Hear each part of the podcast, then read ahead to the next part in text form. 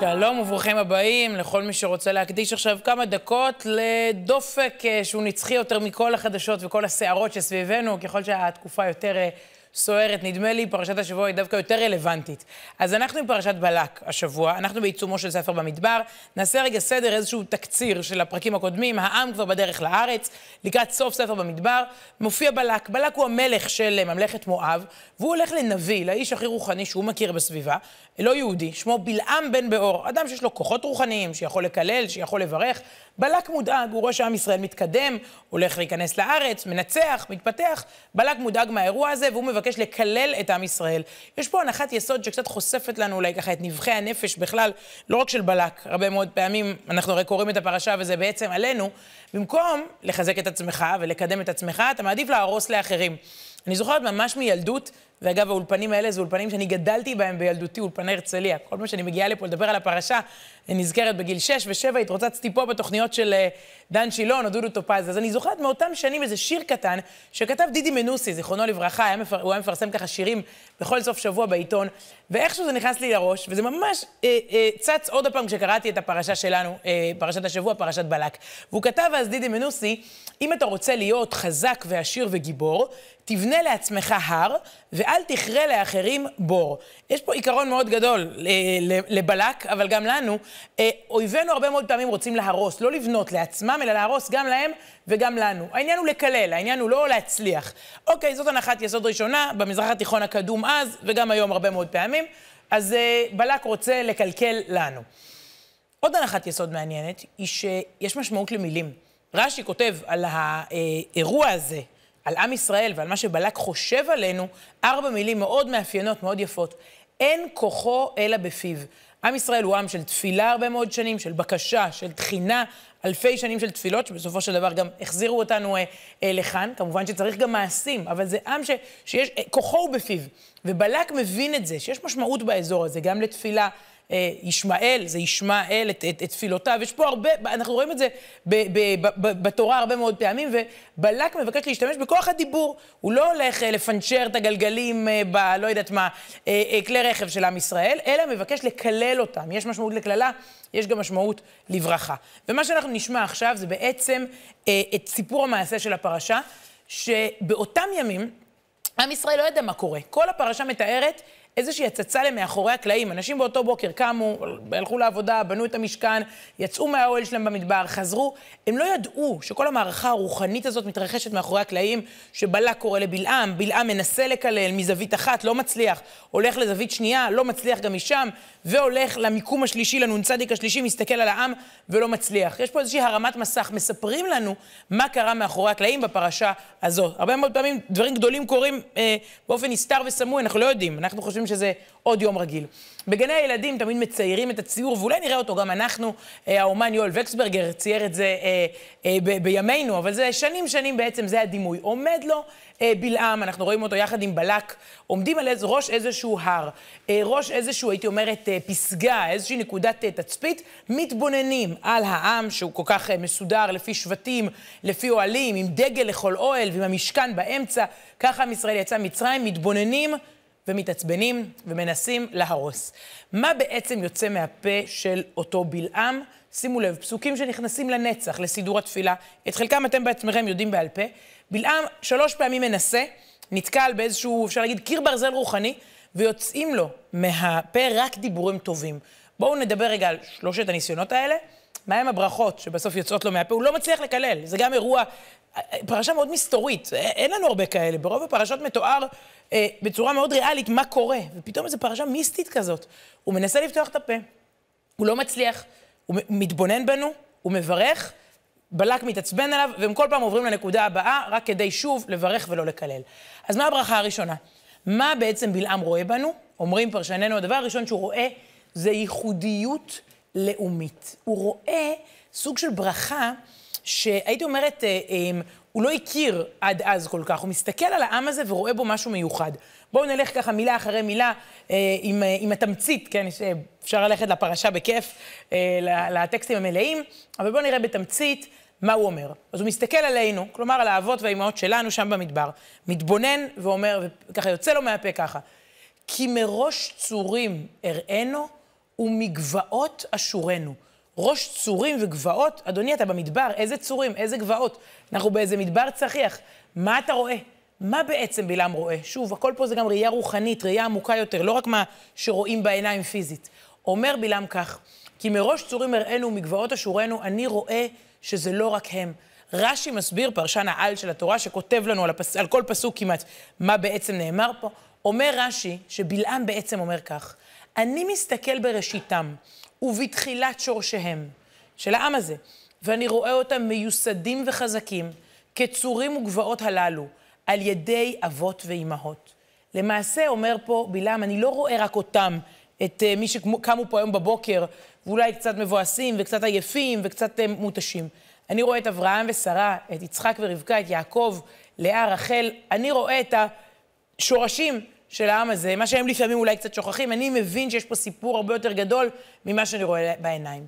והוא ממשיך, ובאותה נקודה, מסתכל וממשיך, ונותן לנו פה פסוק אה, שגם הוא אה, זוכה לחיי נצח. הן עם לבדד ישכון, ובגויים לא יתחשב. הרבה מאוד פעמים אנשים ניסו לפרש את הפסוק הזה בצורה גזענית, אה, מעליבה, כאילו לא יתחשב, הוא לא סופר את הגויים, ממש לא. מה רואה בלעם? יש פה איזה עם עם חוקיות קצת אחרת. עם לבדד ישכון, זה אומר, הוא קצת חורג מההיגיון הנורמלי והרגיל של העולם הזה, של האומות. כל עם צומח מתוך ארץ, מתוך טריטוריה. יש איזה לאום, הוא מתקבץ איפשהו, אה, ליטא, צרפת, מרוקו, ומתוך זה צומחת האומה.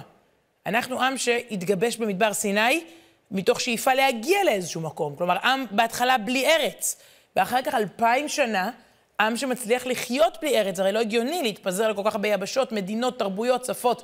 אומר אה, בלעם בעצם, סליחה, זה עם לא נורמלי, יש לו איזו ייחודיות, שלא יאבד אותה, שימשיך להיות, אה, לשמור על הייחודיות שלו. אה, הרב, הפרופסור יונתן זקס, אמר שזה רעיון משנה חיים שטמון פה בפרשה.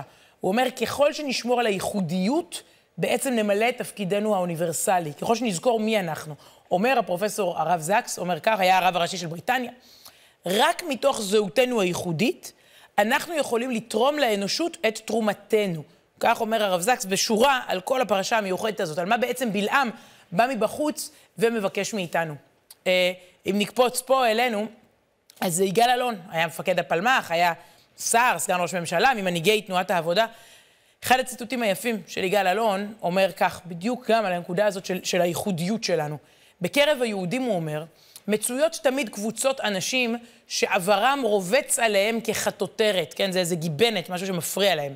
והם הראשונים לערוך ניתוחים פלסטיים בקלסטרם הרוחני-לאומי. כמו שעושים ניתוח פלסטי, יש גם ניתוח פלסטי ברוחניות שלך, בלאומיות שלך, כדי להתאימו לאופנה האחרונה. רק מי שקם בו האומץ להיות הוא עצמו, תרם את התרומה הגדולה ביותר לתרבות האוניברסלית. אומר לנו בעצם אה, יגאל אלון, תהיה אתה, זאת תהיה התרומה הכי גדולה שלך לכל העולם כולו. אז בלעם, שוב, שלחו אותו לקלל, לא מצליח. המלך בלק מתעצבן עליו, אתה לא מצליח בשליחות שלך, באנו לפה כדי לקלל, ואתה מספר לי איזה עם מדהים ומיוחד הם. טוב, בוא ננסה ממקום אחר. תסתכל עליהם מזווית אחרת. הרבה מאוד פעמים אנחנו משנים זווית על המציאות ורואים דברים אחרים.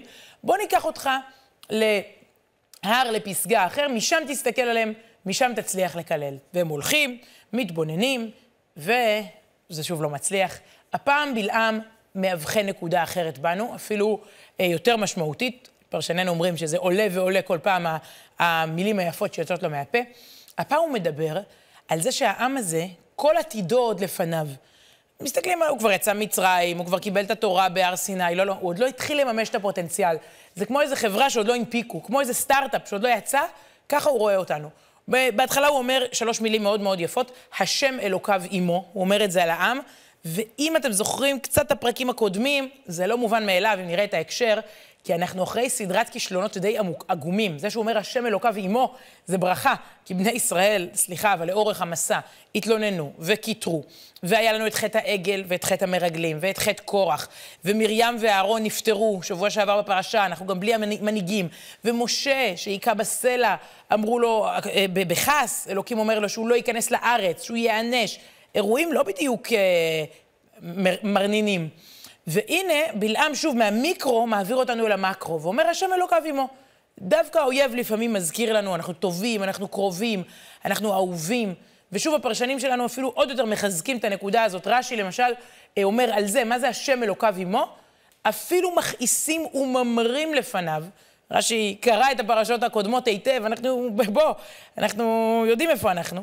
אינו זז מתוכן. הקדוש ברוך הוא לא זז מתוך העם הזה, הוא בחר בו, גם אם ראינו את הפרקים הקודמים והמבאסים, וה, אה, העצובים, של מרידה וכולי וכולי. לא משנה מה הוא בתוכנו. ובלעם, אם זה לא מספיק, הוא ממשיך בלעם. והוא שוב עולה על איזה מאפיין, אה, שאני חושבת שדי נכון לאורך השנים, כי לא נחש ביעקב, הוא אומר, ולא קסם בישראל. נחש וקסם, לנחש ולקסום קסמים, הכוונה היא לעבודה זרה. הכוונה היא בעצם לאלילות, שהייתה מאוד מאוד פופולרית אז, איפה שהם לא הסתכלו ימינה ושמאלה, בטח במצרים, שממנה יצאנו, שהייתה באמת אה, מלאה בתפיסות של, של עבודה זרה. ופה הוא אומר לו, אין בהם נחשים, אין בהם קסמים, ורש"י מוסיף ואומר, הם ראויים לברכה, כי אין בהם נחשים וקסמים. השם אלוקיו עמו, אז למה צריך קסמים? כן, מה אנחנו מתעסקים בכישופים ובעבודה זרה? זה דבר שקל מאוד לשכוח ביום-יום, והנה שוב, בלעם בא מבחוץ ומזכיר לנו את זה. ואז הוא אומר עוד פסוק שגם הוא נכנס לסידור, ולאורך השנים היה גם uh, סיסמה של כל מיני תנועות וככה uh, uh, ספרים, ופסוק שבאמת נתן הרבה כוחות לאורך השנים. והוא אומר כך, הן עם כלוי יקום וכארי יתנשא. יש להם בשורה לעם הזה, יש להם איזה, איזה סיפור, יש פה איזה, העם הזה, שאולי נראה לכם קצת לפעמים על הפנים, גם בגלל מריבות פנימיות וגם בגלל uh, כל מיני כישלונות לאורך השנים, אלפיים שנה, הוא עוד יקום כלוי, הוא עוד יתנשא כמו ארי. יש לו בשורה, יש לו סיפור, יש לו עתיד, זה כמו עונת התעודות, אמרו שיש ילדים עם פוטנציאל, כן? יש לו, הוא רק לא מממש אותו. אולי שנה הבאה. אז אנחנו אלפיים שנה אולי קצת נשארים כיתה, אבל יש עוד פוטנציאל, הם עוד יממשו אותו. ולפעמים צריך, שוב, תזכורות מבחוץ לעניין הזה.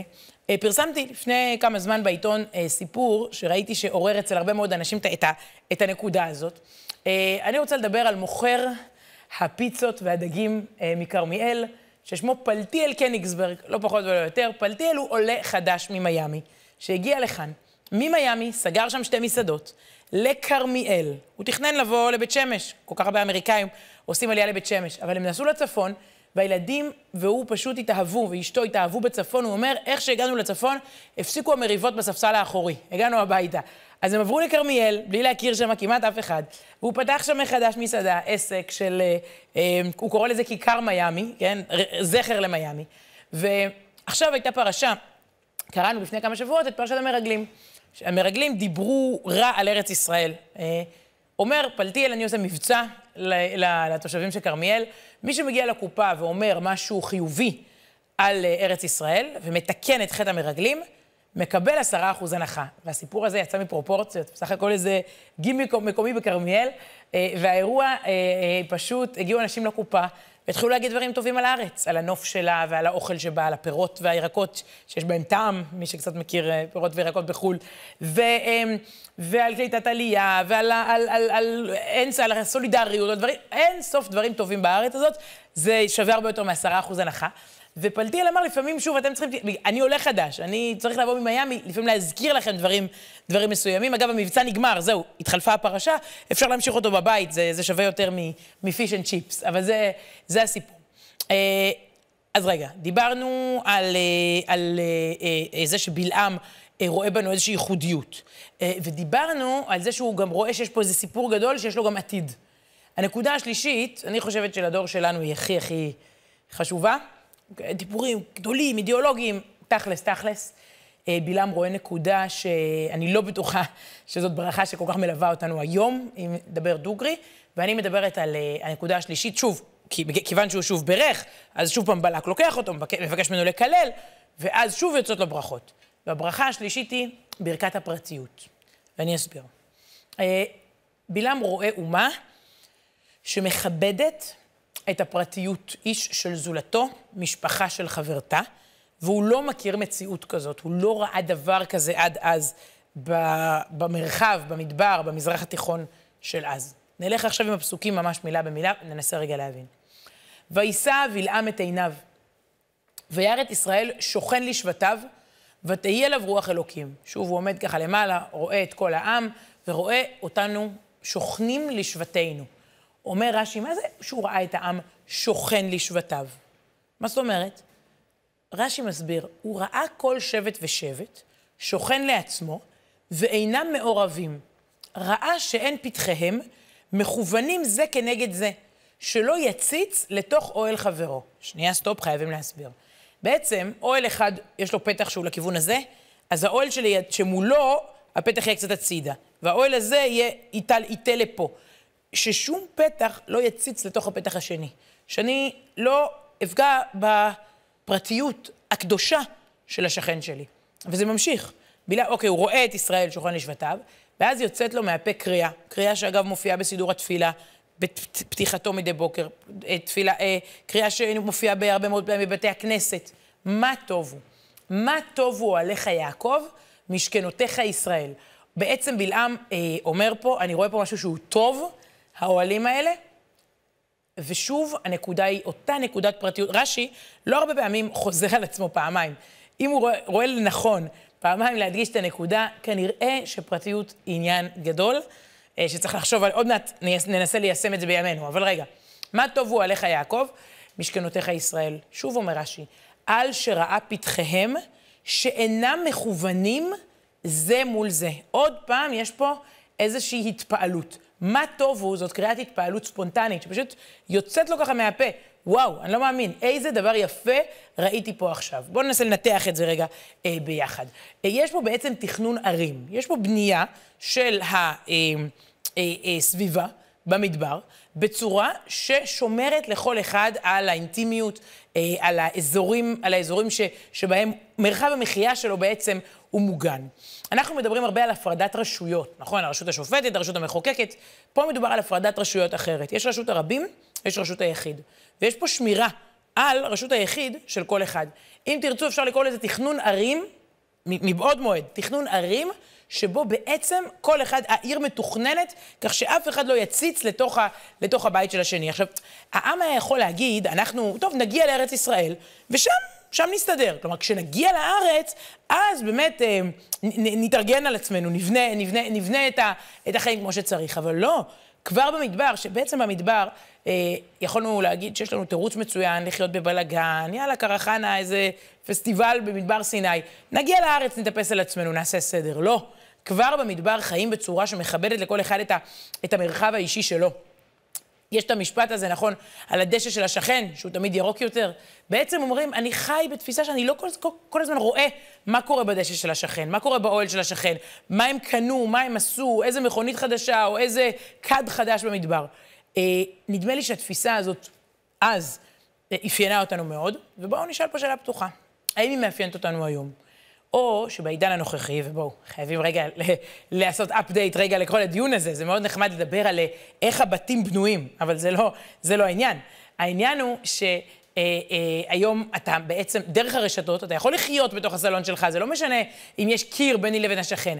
אני בעצמי מרסק את הקיר הזה ברגע שאני משתף. כלומר, האוהל שלי, אני כל היום מספר מתוכו מה קורה. אין לי יותר מרחב שהוא, ש, שהוא, שהוא פרטי. אני מספר מה קורה החוצה.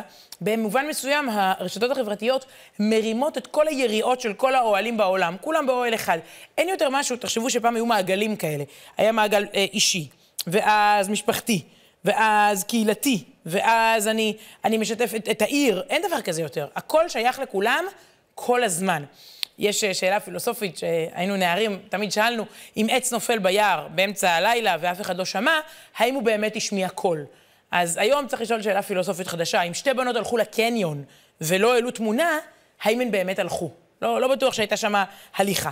ולכן במובן מסוים בלעם מלמד אותנו פה, היום בעידן הפומו, כן, ה-fear of missing out. אתה כל הזמן מפחד להפסיד מה קורה בחוץ. אבל מה עם fear of missing in? כלומר, להפסיד את העולם הפנימי שלי, את החיים שלי. אם אני משת... אני כל הזמן פוחד להפסיד מחשבות של אחרים. אני בינתיים מפסיד את המחשבות שלי, שלא לדבר על מחשבות של הילדים שלי, כן? מה עם הפחד להפסיד אותם? הם לא מעלים את הכל בפוסט אה, מלוטש ומהיר. צריך יותר להקשיב, צריך לשתוק, צריך סבלנות. המשימה במובן מסוים, אני חושבת, אם רוצים לחזור לברכה הזאת של בלעם, זה לבנות עולם אה, פנימי, שלא כל הזמן מתכתב עם מה קורה אצל אחרים, ולא כל הזמן חושף את עצמנו אה, בפני אחרים. כלומר, אני לא יודע אם הדשא של השכן יותר ירוק, אין לי זמן להסתכל, אני, אני באמת מתעסק בדשא שלי. המציאות הדיגיטלית בימינו, אנחנו נראה עכשיו אה, שקף שהוא קצת מפחיד, אם יש ילדים בקהל, שקף שמדבר על מה קורה בדקה אחת באינטרנט.